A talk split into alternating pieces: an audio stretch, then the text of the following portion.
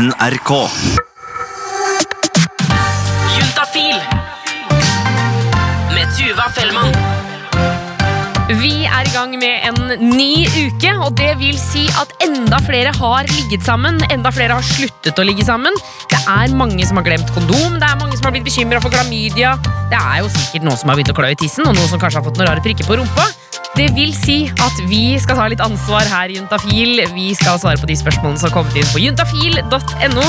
Velkommen skal du være. Jeg heter Tuva Fellmann, og vi skal selvfølgelig få hjelp av Sex og Samfunn.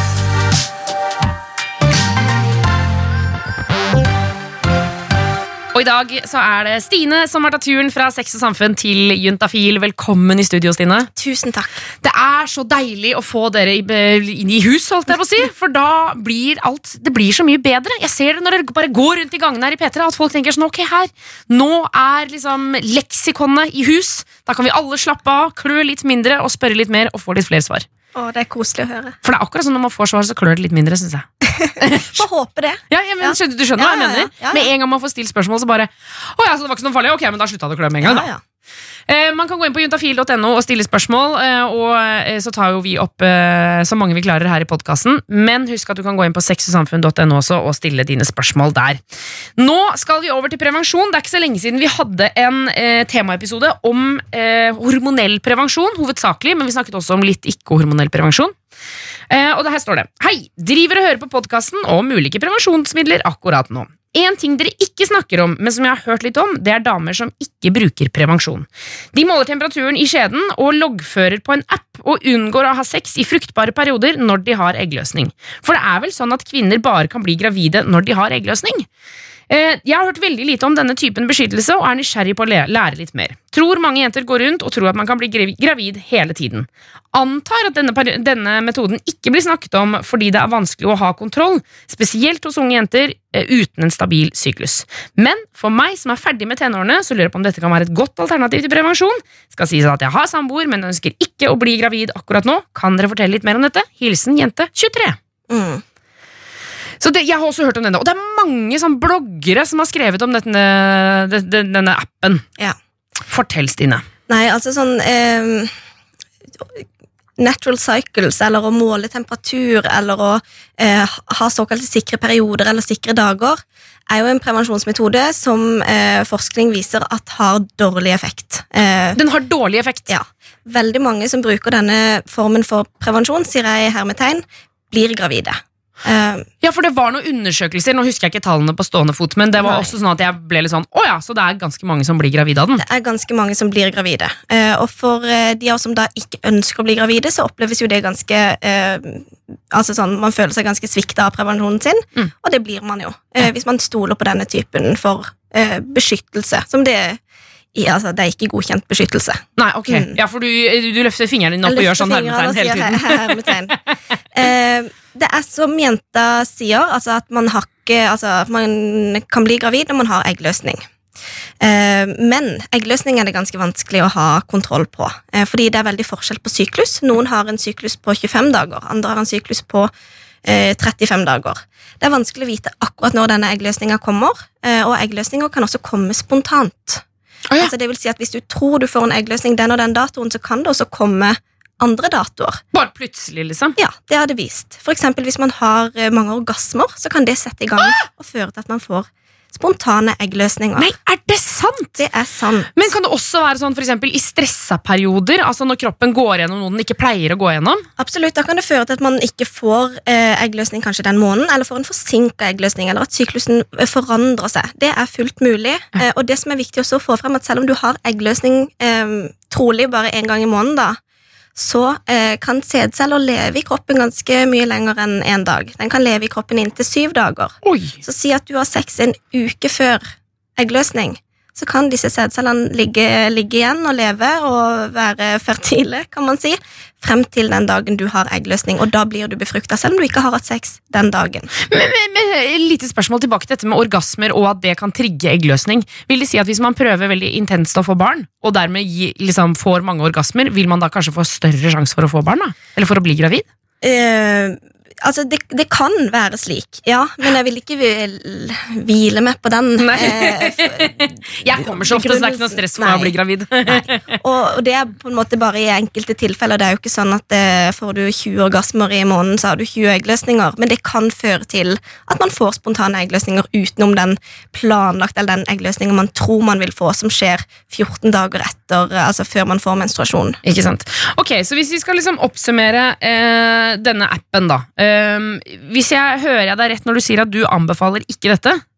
Hverken, altså Jeg anbefaler ikke, men jeg fraråder. Du fraråder det det? Spesielt hvis det er viktig at man ikke blir gravid. Men hvis man bare er sånn um, ja, jeg har en kjæreste Hvis jeg hadde blitt gravid nå Det gjør egentlig ingenting, det kunne egentlig passa, men jeg vil kanskje vente litt. Grann. Da kan man jo da gjøre kan man jo bare ha sex som vanlig, da. Ja, det kan en. Ehm, så det, altså, sånn, Jeg skal ikke legge føringer på hva folk skal gjøre. Men er det viktig at man ikke blir gravid, så vil jeg ikke stole på denne formen for, eh, for prevensjon. da. Ok, Da er det altså et klart og tydelig svar. Det kan ikke bli tydeligere enn det. Dette er altså noe Sex og Samfunn eh, fraråder hvis man ikke har lyst til å bli gravid. Mhm. Ferdig snakka. Men tusen takk for spørsmålet, Jente23. Håper at du eh, fikk litt mer på en måte eh, følelse på om dette er noe du skal gå for eller ikke. Eh, og så til deg som eh, sitter og hører på nå og blir nysgjerrig på de andre typer prevensjonsmidlene, ja, så anbefaler vi den podkasten som heter Hormonell prevensjon fra Juntafil. Juntafil. Send inn ditt spørsmål på juntafil.no. Vi fortsetter inn i, eh, eh, inn i innboksen til Juntafil. Juntafil.no, der kan du stille dine spørsmål. Her står det uten avsender og uten hei, bare liksom enkelt og greit. Er det normalt å drite når man har orgasme? Altså rett og slett å bæsje når man kommer? Ja. Ja. ja. Det er altså sånn, eh, Som med mange andre problemstillinger, når det kommer til kropp, så er det mye som er normalt, selv om det kanskje høres, eh, høres mer spesielt ut. Ja. Um, det er nok normalt å både få en bæsjetrang og også ha avføring hvis man får orgasme. For noen jeg vil ikke si at det er veldig vanlig. Um, og dersom det oppleves problematisk, så tenker jeg at det kan være fint å så ta en tur til legen og få sjekka ut det. Ikke sant? For altså, hvis, man, hvis det kommer bæsj hver gang du kommer, Mm. så kan du jo på en måte Eller så tenker jeg sånn, er det da litt sånn løse lukkemuskler, for eksempel? Men samtidig så er det jo litt sånn Det er jo det, det rådet vi alltid gir for folk som sliter med orgasme. Det er rett og slett å på en måte slappe såpass mye av at liksom kroppen Du bare lar det skje. Og da er det jo også masse andre ting som skjer. Eller som kan skje, Det da. kan det fort gjøre, i hvert fall. Ja. Um, og derfor jeg sier at hvis man ikke opplever det som et problem, så er det jo ikke et problem. Det er jo ikke noe som er farlig her, eller noe som må slutte. Men dersom man opplever det som problematisk og ikke helt vet hva man skal gjøre, så kan det være fint å, å få sjekka om ja, som du sier, er det noe med lukkemuskelen. Kan det være noe med kosthold, eller har man allergier som gjør at man har veldig mye avføring, eller ufrivillig avføring? Mm. Og så er det jo de klassiske tingene da, om å eh, liksom huske Gå gjerne på do uh, før sex, Ja. selv om man vet at Selv om jeg ikke skal ha analsex, men at jeg rett og slett bare liksom tømmer meg. Ja. Og så går det sikkert altså an å tenke på liksom hvilke stillinger man er i. Altså Noen stillinger byr jo på en måte litt mer på rumpa. Ja. Eh, hvis du eksempel sitter sånn at du får litt sånn trykk på magen, og det er veldig å, rumpa er litt sånn åpen, Mm. da er det jo også på det, er sånn som man sitter når man bæsjer, på en måte. Ja, akkurat. Eh, helt klart eh, viktig det du sier der. Kanskje det viktigste dette med at man går på do før man skal ha sex, hvis det er uønska å bæsje mens man har sex. Ja. Fordi at man må, altså sånn, Kroppen går jo ikke på do hele tida. Så hvis man tømmer tarmen før man har sex, så er det jo egentlig ikke noe Det er ikke noe igjen. Det er ikke noe igjen. Eh, så det kan være veldig fint okay. å praktisere det. Ok, ja, men Da var det svar på det. Vi skal fortsette inn i innboksen eh, straks. Sex, kropp og følelser. Du hører på Juntafil med Tuva Fellmann.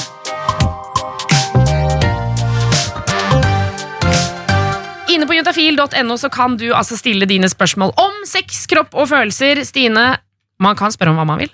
Ja, Så lenge det har med, med sex å gjøre, så tenker jeg at eh, kjør på. Ikke sant? Ja. Vi er ikke så rå på økonomi. Eller i hvert fall ikke jeg. Vi er faktisk utrolig dårlig på økonomi.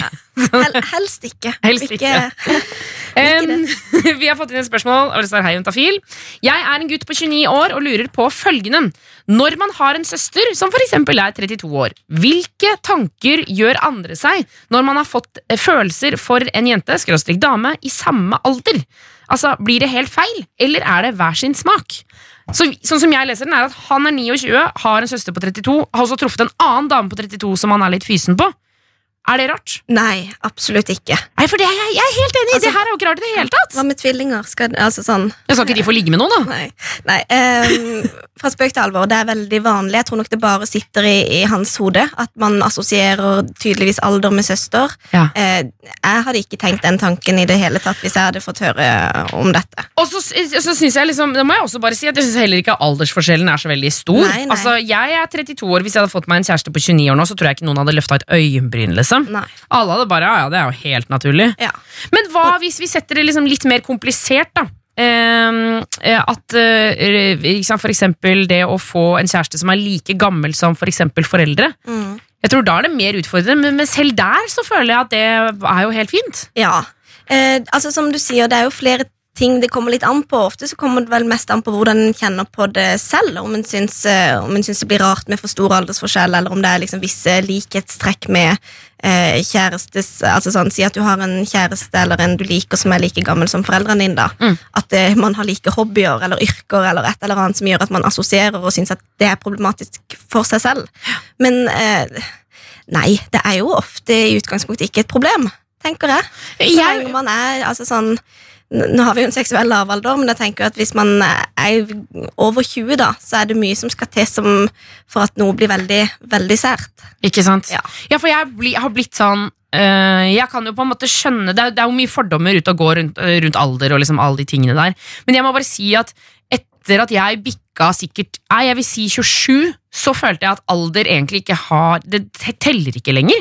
Altså sånn, det, Jeg blir ikke noe opptatt av det. Jeg har venner som er 40 år, og jeg har venner som er 25 år. Og det, det er liksom Jeg bare, jeg syns ikke det er så jeg blir, jeg blir ikke så opptatt av det. Nei. Men jeg kan jo skjønne Jeg kan jo skjønne den der eh, frykten for at noen skal assosiere at, øh, at man er sammen med noen i egen familie på samme alder.